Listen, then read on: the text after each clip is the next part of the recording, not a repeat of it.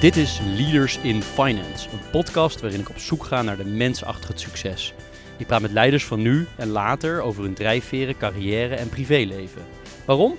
Omdat er meer gesproken moet worden in de financiële sector. Leaders in Finance wordt mede mogelijk gemaakt door Interim Valley, FG Lawyers en Biscuit. Deze aflevering van Leaders in Finance, Jan-Willem Hoitsma, Hoitsma H-O-I-T-S-M-A. Uh, welkom. Dankjewel. Graag gedaan, Jeroen. Leuk dat je er bent. Uh, Jan Willem is, uh, is directeur van Brand New Day Premie Pensioeninstelling.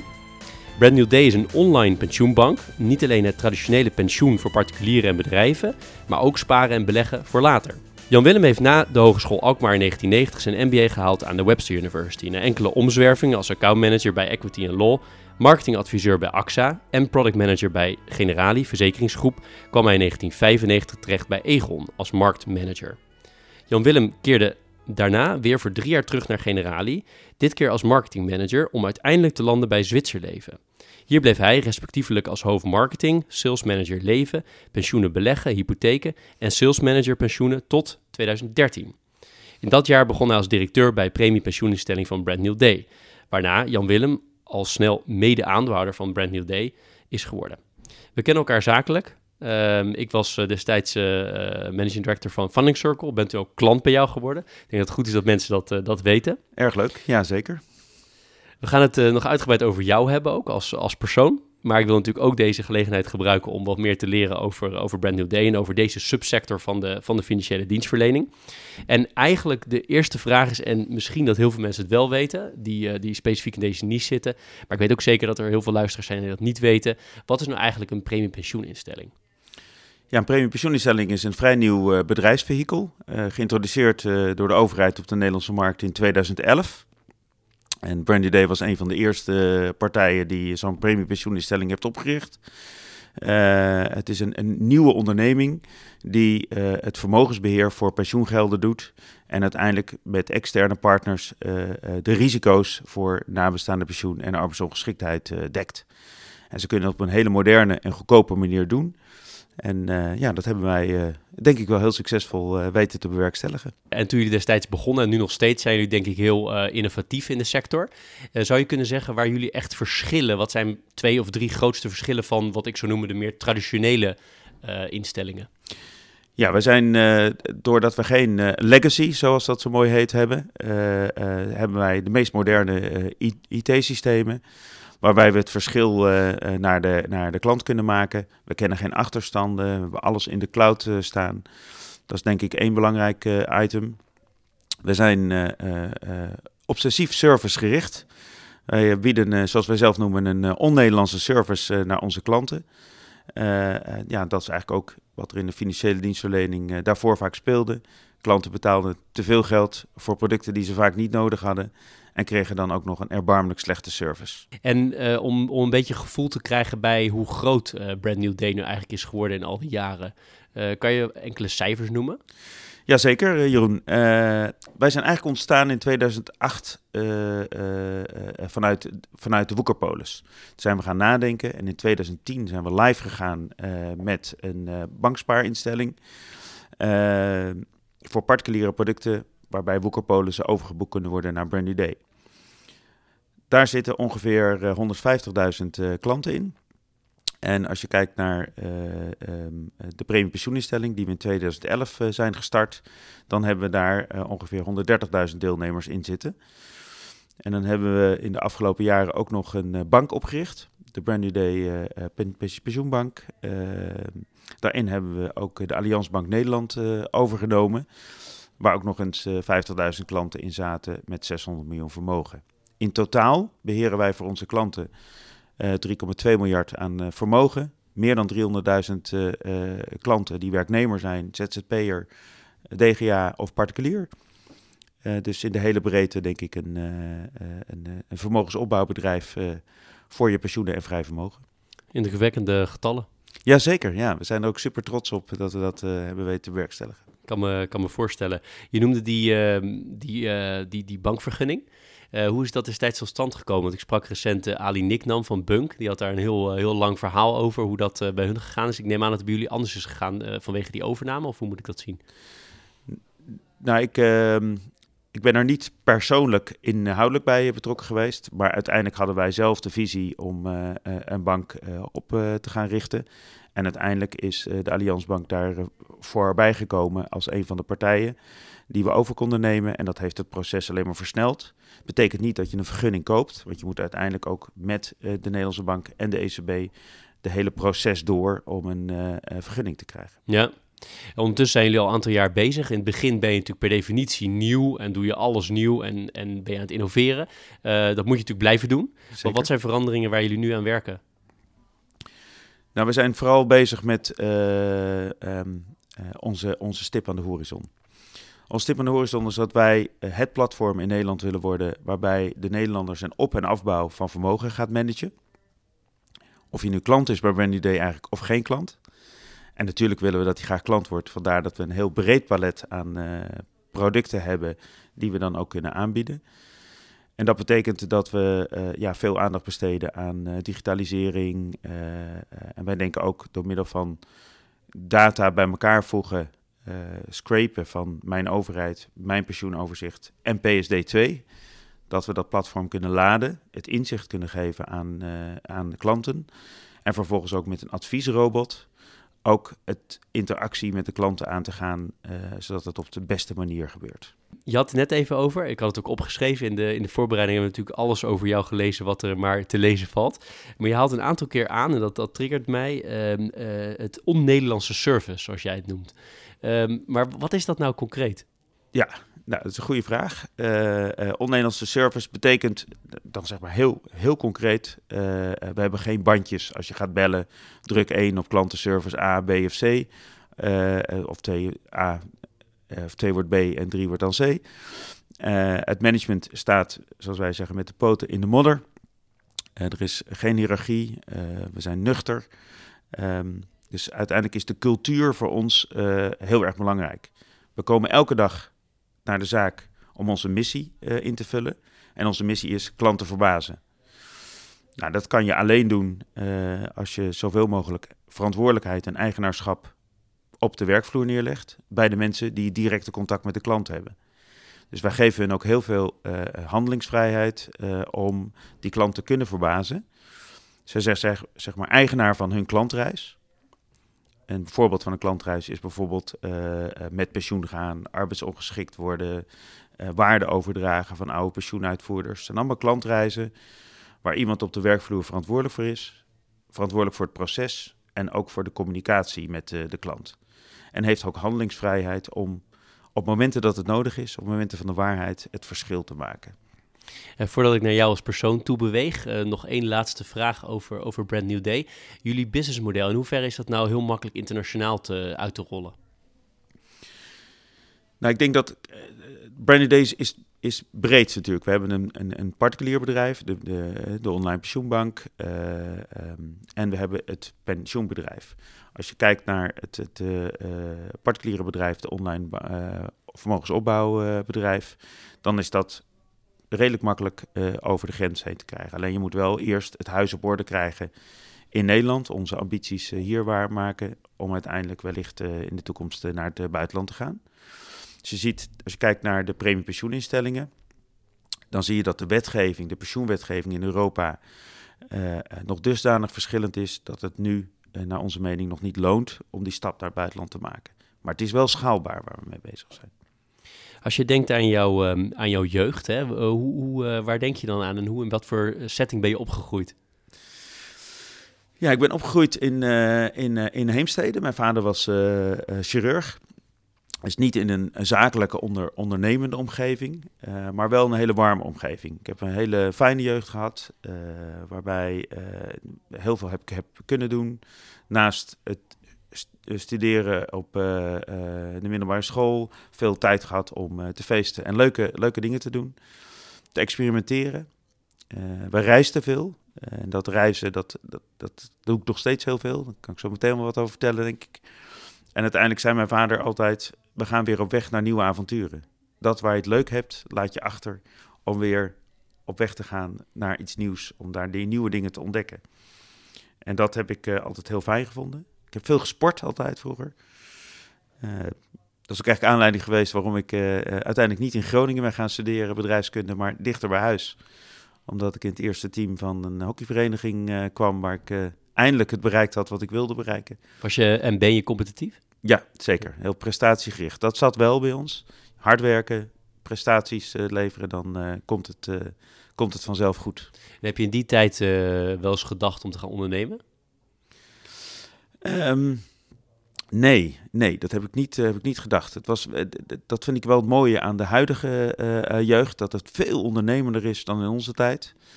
het enige wat ik wel gedaan heb op de middelbare school is met een groepje een beleggingsclubje opgericht. Het heette bullish.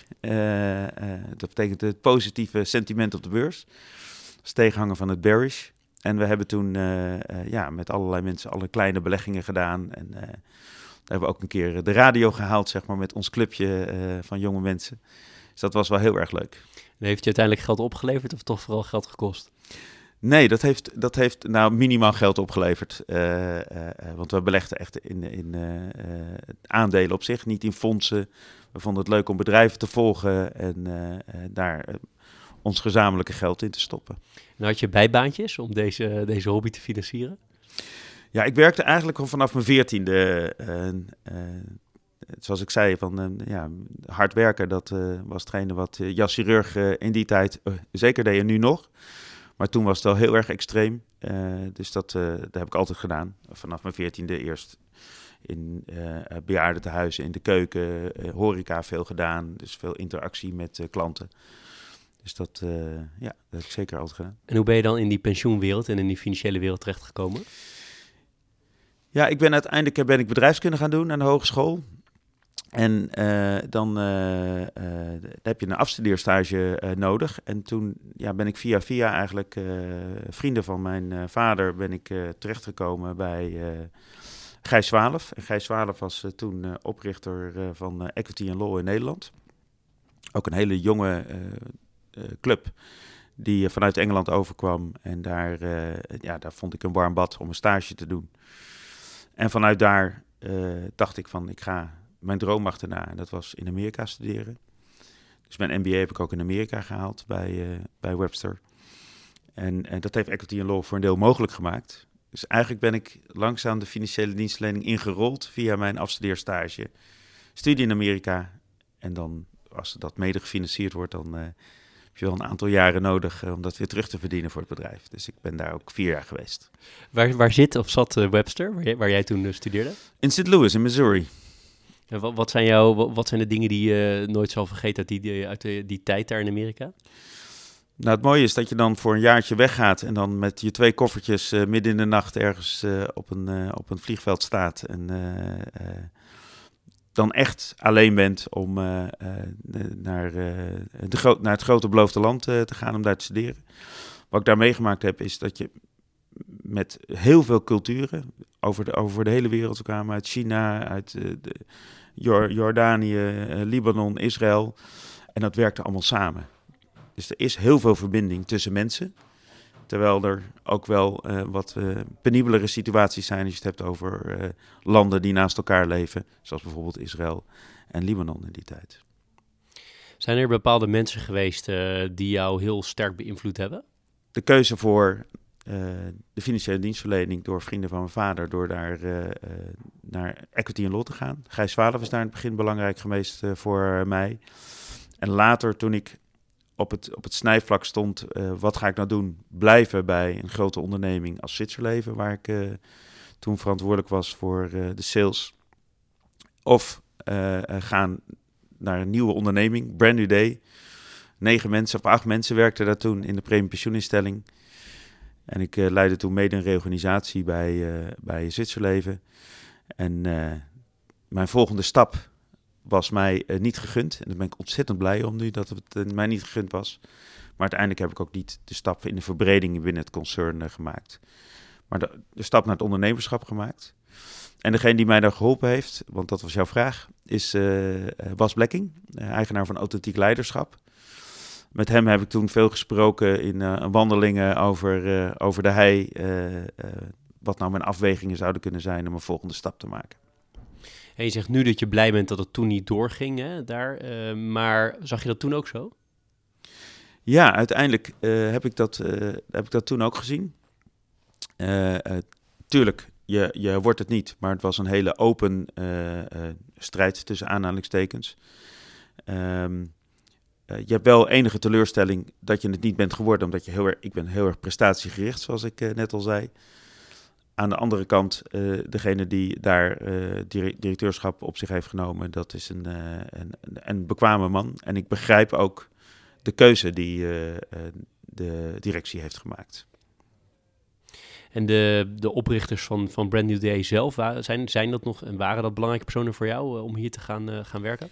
Zeker, dus, zeker. Thierry en Carlo. Uh, ja, uh, Carlo Begijn en Thierry Schaap, ja, dat zijn natuurlijk twee de rasondernemers die hun sporen verdiend hebben met Bing Bank.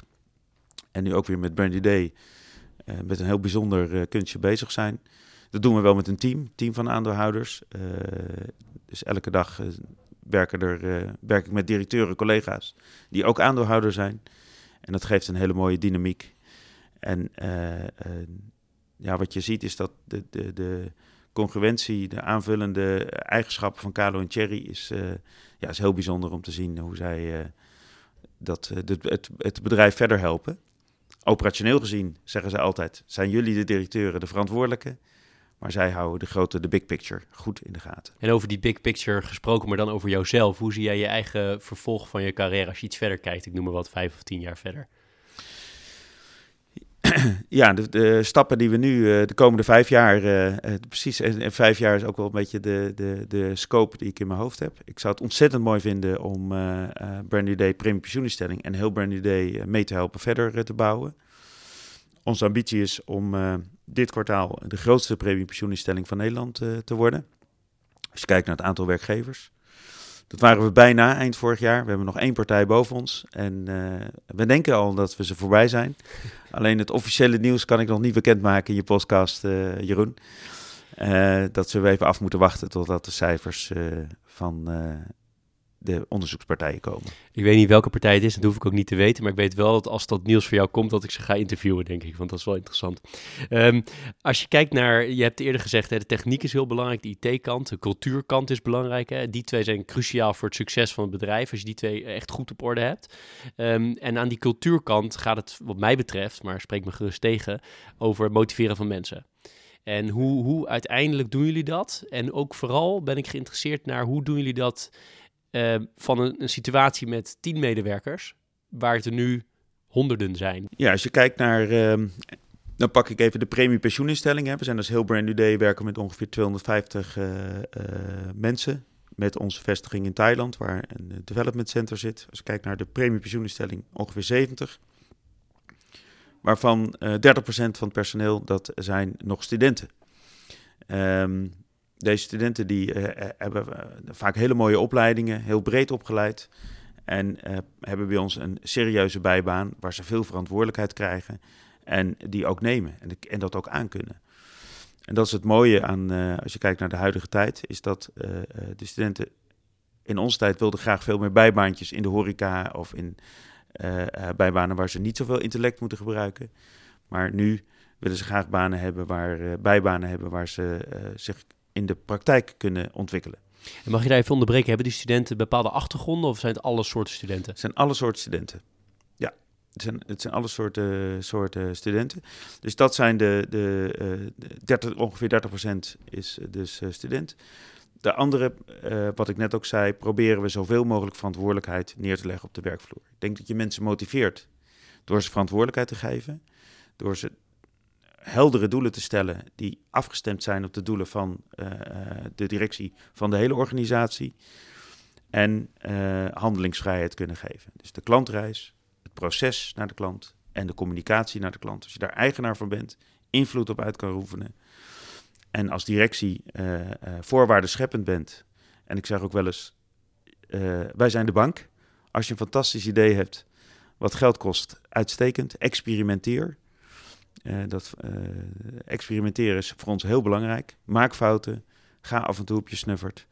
En sta op, heb ervan geleerd en ga weer door. En met de directie is het met goede ideeën geld ophalen, wat uiteindelijk natuurlijk meer oplevert, wat wel de doelstelling is. Ja, nee, dat, dat snap ik, dat is helder. Ik ben wel benieuwd, je hebt zelf lang in de traditionele sector gewerkt en nu meer in een challenger-omgeving. Hoe heb je die overgang gemaakt? Nou, ik denk, wat je zegt is waar. Ik heb vaak in de traditionele sector gewerkt. Alleen ik voelde mij daar ook ondernemer. Uh, als je eigenaar of als je sales manager bent of als je hoofdmarketing bent, dan had je ook een bepaalde onderneming en verantwoordelijkheid onder je. Dus, uh, uh, en ik vond het ook altijd mooi om daarin te challengen. Zeker in de pro productontwikkeling bij de oude wereld, de woekerpolissen zoals we het net over hadden. Uh, heb ik altijd gechallenged om te kijken hoe kan het nou? Hoe zit het nou precies in elkaar? En wat bieden we onze mensen nou echt aan en hoe transparant willen we zijn? Nou, Zwitserleven was daar ook, denk ik, een van de voorlopers in om dat uh, mooi transparant neer te zetten. En ja, dat is ook uh, hetgene wat we hebben bewerkstelligd. Toen ik kwam bij Zwitserleven waren we ook, ook zeg maar het lelijke eentje in de, de markt. In 2001 eindigden we onderaan in klanttevredenheidsonderzoeken. En in 2005 waren we uiteindelijk de nummer één en dat zijn we ook vier jaar geweest. En dat bouwen aan een uh, uh, klantengerichte organisatie met een team, dat vind ik een uh, mooie uitdaging en een challenge. Misschien was het niet eens zo heel erg anders dan. Nee, ik vind het niet heel erg anders. Voor mijn gevoel niet het is wel een hele andere omgeving waar ik in opereer. Ja, nee, helder. Als je s ochtends opstaat, hè, we hadden het bij de, bij de testen van de, van, van de apparatuur even over ontbijt en zo. Maar als je dan over het eerste moment dat je over je werk gaat nadenken, wat zijn dan de, de, de motivatiebronnen voor jou? Ja, het eerste moment is eigenlijk bij het wakker worden al. Uh, uh, uh, en onze missie, wat ik net ook zei, is klanten verbazen. Daarvoor komen we naar ons werk. Uh, het heeft niks te maken met de allerbeste pensioenen of zo. Klanten verbazen. De rest is heel belangrijk overigens. Ik begin eigenlijk met het lezen van uh, uh, LinkedIn. LinkedIn is voor mij de belangrijkste informatiebron. En dat betekent mijn netwerk zorgt voor een selectie aan informatie die voor mij belangrijk is. En dat kan zijn onderwerpen die in het Financieel Dagblad staan, waar ik op gewezen word. Uh, uh, vanochtend in de, in de pers stond ook een, een, mooi artikel in het FD over Revolut. Nou, jij was degene die dat likte, Klopt. Jeroen. Scherp van je. En uh, uiteindelijk heb ik dat ook nog gelezen bij het, bij het ontbijt. Maar LinkedIn is voor mij een heel belangrijke kern. En daar halen we ook leads en klanten uit. Want onze campagne als Brand New Day voor premie pensioeninstelling is inspelen op de actualiteit. Dus de hele sales en de lead speelt in op de actuele ontwikkelingen in de markt. Zoals je eerder zei, jullie zijn natuurlijk uiteindelijk een bedrijf wat, wat uh, winstgevend uh, is en wil zijn. Um, maar ik heb ook gelezen over jullie maatschappelijke betrokkenheid. Kan je daar iets meer over vertellen? Jazeker. Uh, wij krijg, kregen dagelijks verzoeken om allerlei goede doelen van adviseurs, van werkgevers, waar we een bijdrage aan konden leveren. En dat werd op een gegeven moment per individu een beetje een willekeur waaraan we meededen. En op een gegeven moment zijn we in contact gekomen met de IMC Weekendschool. Dat is een, uh, een, een, heel mooi instituut die uh, lokaal hier in Amsterdam Zuidoost kinderen die van huis uit wat minder in aanraking zijn gekomen met de maatschappij, althans wat er speelt in de maatschappij, die krijgen op zondag school. En het mooie is, is dat bij het hele personeel betrekken bij eh, de IMC Weekendschool. Door als begeleider mee te gaan. Door zelf uh, lezingen te geven um, uh, over maatschappelijke ontwikkelingen. Zo zijn we bijvoorbeeld naar de rechtbank geweest om te kijken hoe het rechtssysteem in elkaar zit. Zo zijn we geweest naar Paradiso om te kijken wat is nou de ontstaansgeschiedenis van de hip-hop, waar ik zelf ook bij mee geweest ben als begeleider. En het hele personeel doet eraan mee. En zo krijg je betrokkenheid. En halen jullie daar ook wel eens dingen uit waar je toch echt ook iets mee kan in het bedrijf zelf? Even los van dat het natuurlijk hartstikke mooi is dat jullie het doen voor de samenleving. Nou, ik denk dat het uh, um, de betrokkenheid van de, van, de, van de mensen vergroot bij het, bij het bedrijf. We werken hier met heel veel jonge mensen. De gemiddelde leeftijd van Brandy Day van de 250 man ligt net iets boven de 30. En wat je merkt aan de jongeren is dat de maatschappelijke betrokkenheid vinden ze heel belangrijk duurzaamheid, uh, uh, midden in de maatschappij staan. En dat je daar als werkgever ook een bepaalde rol in speelt, dat, is, uh, dat vinden ze heel belangrijk. Dus je krijgt zeg maar de binding met je personeel vergroot ook op die manier. En is daar het beleggingsbeleid ook op aangepast? Ja, wij kennen een, um, als je kijkt weer naar de premie pensioeninstelling, uh, wij kennen een keuze in duurzaam beleggen en uh, niet duurzaam beleggen. We laten de keuze bij de werkgevers en bij de werknemers om, een, een om een, een invulling te geven aan datgene wat zij graag willen. Dus we bieden het, alleen we laten het wel aan de mensen zelf over. Als je naar je loopbaan kijkt hè, tot nu toe, wat zijn de dingen waar je het meest, één of twee of drie dingen waar je het meest trots op bent? Alle werkgevers die ik gehad heb, ben ik altijd trots dat ik over de rode loper ben gekomen, maar ook over de rode loper ben weggegaan. Dus dat betekent dat eigenlijk datgene wat we van elkaar geleerd hebben, wat ik geleerd heb van de werkgever en, en andersom, dat we dat altijd in harmonie is, uh, in harmonie is gegaan. En natuurlijk, ja, Brand New Day. Uh, we zijn begonnen met negen man, uh, met 100 werkgevers als klant. We hebben er nu meer dan 5400 werkgevers en 130.000 werknemers die we, waar we de pensioenen voor mogen regelen. Dus dat is een, daar, daar ben ik super trots op. En zeker ook dat we het ook met een team doen van jonge mensen die elke dag uh, nou, gewoon keihard werken, gemotiveerd zijn, het leuk vinden om hier elke dag rond te lopen. En coach jij ook mensen, mensen in het bedrijf of buiten het bedrijf? Jazeker. Um, uh, dat is eigenlijk op twee manieren. Binnen het bedrijf uh, zijn er een aantal jonge mensen die van student de weg gemaakt hebben naar uh, teammanager. Dus zeg maar leider van, alle, van de groep studenten. En die coach ik ook persoonlijk in ja, managementzaken, waar je rekening mee moet houden. We zijn geen bedrijf die allerlei dure managementopleidingen en dat soort zaken doet. On the job leren, verder komen en we hebben genoeg kennis en vaardigheden in het bedrijf dat we kunnen coachen. En dat doe ik intern. Uh, extern ben ik ook verbonden als mentor bij Startup Bootcamp. zijn met onze pensioenproposities hebben we vooral zitten we ook op startups en scale-ups. En hebben allerlei partnerships met partijen als B Amsterdam, als Yes Delft, als Sprout, onder andere Sprout Media. Kortom, allemaal partijen waar de start- en scale-up zich in begeeft en dan groeit. Denk ik ook een goed voorbeeld. En ja, dat geeft heel veel energie. En wat zijn veel voorkomende tips die je deze mensen geeft? Intern vaak zeg experimenteer. Blijf experimenteren. Maak fouten. Leer van je fouten. Uh, uh, maar nu we groter worden, uh, zeg ik ook van denk goed na over de plannen die, die, die je maakt. Zorg ervoor dat je wel een business case hebt die winstgevend te maken is voor jou. Zorg ervoor dat je meet, evalueert en blijft, blijft doorontwikkelen. Als je dat zou willen delen, kan je iets zeggen over hoe jouw privéleven eruit ziet? Op hoofdlijnen? Jazeker. Mijn kinderen zijn uh, 25 en 22, zijn allebei het huis uit. Uh, de jongste heeft zijn hogere hotelschool afgerond in 2018. De oudste is nog aan het studeren.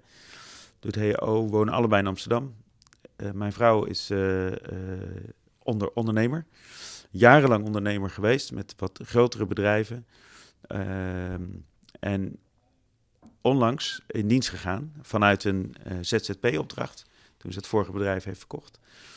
Uh, en is nog altijd betrokken bij uh, een robotbedrijf. dus ja, we zijn met z'n tweeën lekker aan het ondernemen, beide aan het werk. ik sport veel en ik denk wat ik heel erg belangrijk vind is naast het harde werken om ook iets terug te doen voor de maatschappij. Dus ik heb me verbonden als ambassadeur van Habitat for Humanity. En uh, nou, minimaal om het jaar ga ik uh, ergens op de wereld een, uh, een huis bouwen voor mensen die het wat minder goed hebben. En metselen is dan mijn favoriete bezigheid. Oh, maar dat kan je dus ook goed, metselen? Nou, goed is, als amateur kan ik het inmiddels goed. Maar ik vind het echt een van de mooiste dingen die er is. Dat je echt in een korte periode vanuit het niets een stenen bouwwerk op kan zetten. en mensen heel erg blij kan maken in arme gebieden. Ik vind het wel een mooie analogie met het, uh, met het werk. Want uiteindelijk is het ook bouwen, bouwen, bouwen. En, en metselen, ik ben wel onder de indruk, want dat is wel erg moeilijk volgens mij.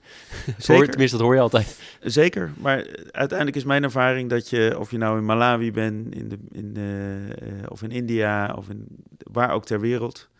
Uh, er zijn altijd lokale bouwers die in de, de, de, kunst van het metselen, van, met die bepaalde stenen, met die specie, weer goed heel weghelpen.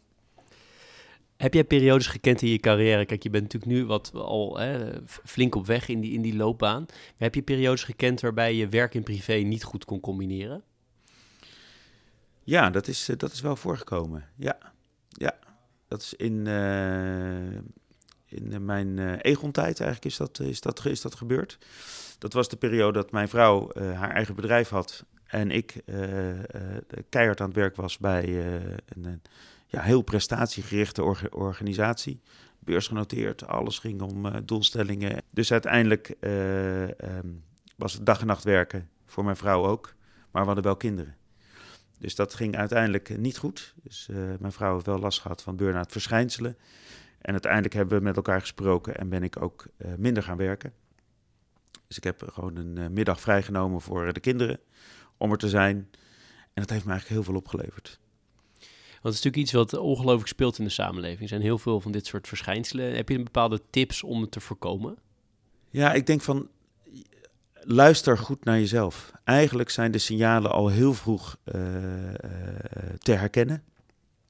Uh, het heeft te maken met jezelf, je eigen, je eigen lichaam. dat, je dat, dat je dat verwaarloost. En ik denk dat dat, dat, dat, dat, dat de belangrijkste boodschap is. Praat erover samen met je partner. Luister naar je lichaam. En het luisteren naar het lichaam heb ik in ieder geval geleerd door uh, uh, de, me te verdiepen in mediteren, mindfulness. Uh, om daar veel meer in, in, contact te komen en afstand te nemen van, uh, van je werk. Dus zoek ook, experimenteer ook met dingen die om je heen gebeuren. En pak dat aan en kijk wat het met je doet. We hebben bij Leaders in Finance ook altijd een, een teaser en een pleaser. Um, en ik wil beginnen met die, uh, met die teaser. Uiteindelijk um, zijn jullie zo hard gegroeid dat het steeds moeilijker wordt om echt innovatief te blijven. Ben je het daarmee eens? Ik denk naarmate dat je groter wordt, dat het inderdaad steeds, uh, steeds lastiger wordt. Uh, alleen als je dat, het, eigenaarschap nogmaals in kleinere groepen op de vloer neerlegt, betekent niet dat de directie of de leidinggevende steeds innovatiever moeten worden, maar dat je uiteindelijk op de werkvloer innovatief bent en blijft. Door te werken met jonge professionals die de laatste uh, methodieken zijn opgeleid. En dat het ongeveer 30% van je personeel is, wat vaak doorgroeit. En wij noemen onszelf, we zijn niet het, het, het uh, Barcelona van de organisatie van, van het voetbal, maar wel de Ajax. We leiden wel op. En uiteindelijk kunnen ze de stap uh, wellicht naar een andere onderneming maken als ze dat willen, of een eigen onderneming op gaan starten. En aan de pleasende kant zijn er bepaalde boeken die jou inspireren?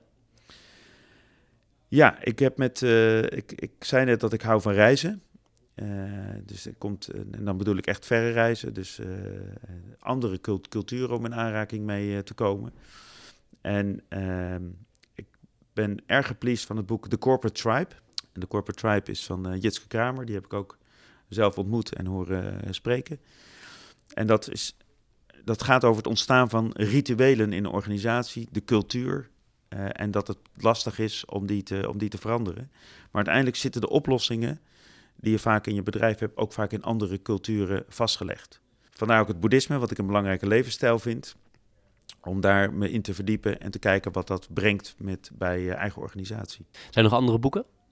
Dat is een goede vraag. Uh, ik heb een aantal boeken. Het heeft ook weer te maken met. Uh, uh, het, het uh, boeddhisme. Ik, heb, ik lees ook af en toe uh, boeken van de Dalai Lama, die over de Dalai Lama gesproken zijn, Dalai Lama en management. dus om, om het te, te verdiepen in wat het boeddhisme drijft, wat hem drijft, integriteit, moraal in de business, wat ik belangrijk vind om te doen. En voor de, voor de rest ja, zijn er allerlei managementboekjes die ik tot mij neem. Dus uh, dat is eigenlijk wel. En ben ook wel even nieuwsgierig naar uh, Netflix of televisie. Zijn er bepaalde dingen die je daar graag kijkt? Zeker. Um, als je kijkt naar, naar, naar Netflix, ik zei net, ik hou van sporten. Ik heb thuis een cross trainer staan. En dat uh, motiveert me ook altijd als ik ga kijken naar een Netflix-serie. dan doe ik dat op de cross trainer. Dus dat betekent dat ik inderdaad 50 minuten sowieso bezig ben. En sommige series duren meer dan een uur. Dus dat is wat lastiger, maar uh, uh, dat doe ik met veel plezier. En in Netflix, uh, ja, er zijn allerlei series over de, de, de, misdaad, de gevangeniswezen. Vis-à-vis bijvoorbeeld, La Casa de Papel. Een belangrijke, hele leuke, mooie, mooie serie die ik graag kijk. Als je kijkt naar eh, leaders in finance in Nederland of daarbuiten, heb je bepaalde leaders die jij, uh, waar je dan aan moet denken? Nou, ik denk als je kijkt naar in, internationaal, dan vind ik uh, Warren Buffett wel een heel bijzonder mens.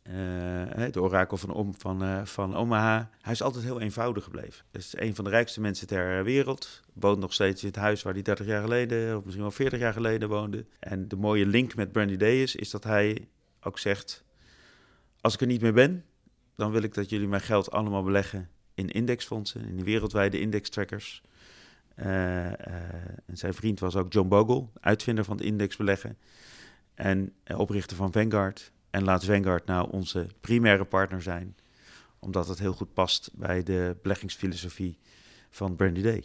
Mooi, leuk om te horen. Ik ben tot slot benieuwd, is er iets waarvan jij zegt, nou Jeroen, dat had ik eigenlijk nog wel willen vertellen hier? Nou, dat is heel, een eh, hele korte nee, heel duidelijk. Dat, uh, dat vind ik leuk om te horen. Ik wil jou ontzettend uh, hartelijk uh, bedanken, Jan-Willem. Ontzettend leuk gesprek. Ik vind het leuk hoe we aan de ene kant meer over Brand New Day te weten zijn gekomen. En ook veel meer te weten zijn gekomen over jou. Mooie mix van die, van die dingen. dus heel erg bedankt. Heel graag gedaan, Jeroen. Dit was Leaders in Finance. Elke week weer een nieuwe aflevering. Elke week weer een mens achter het succes. Ik vind het belangrijk om te zeggen, deze podcast zou er niet zijn zonder onze partners. Interim Valley, FG Lawyers en Biscuit.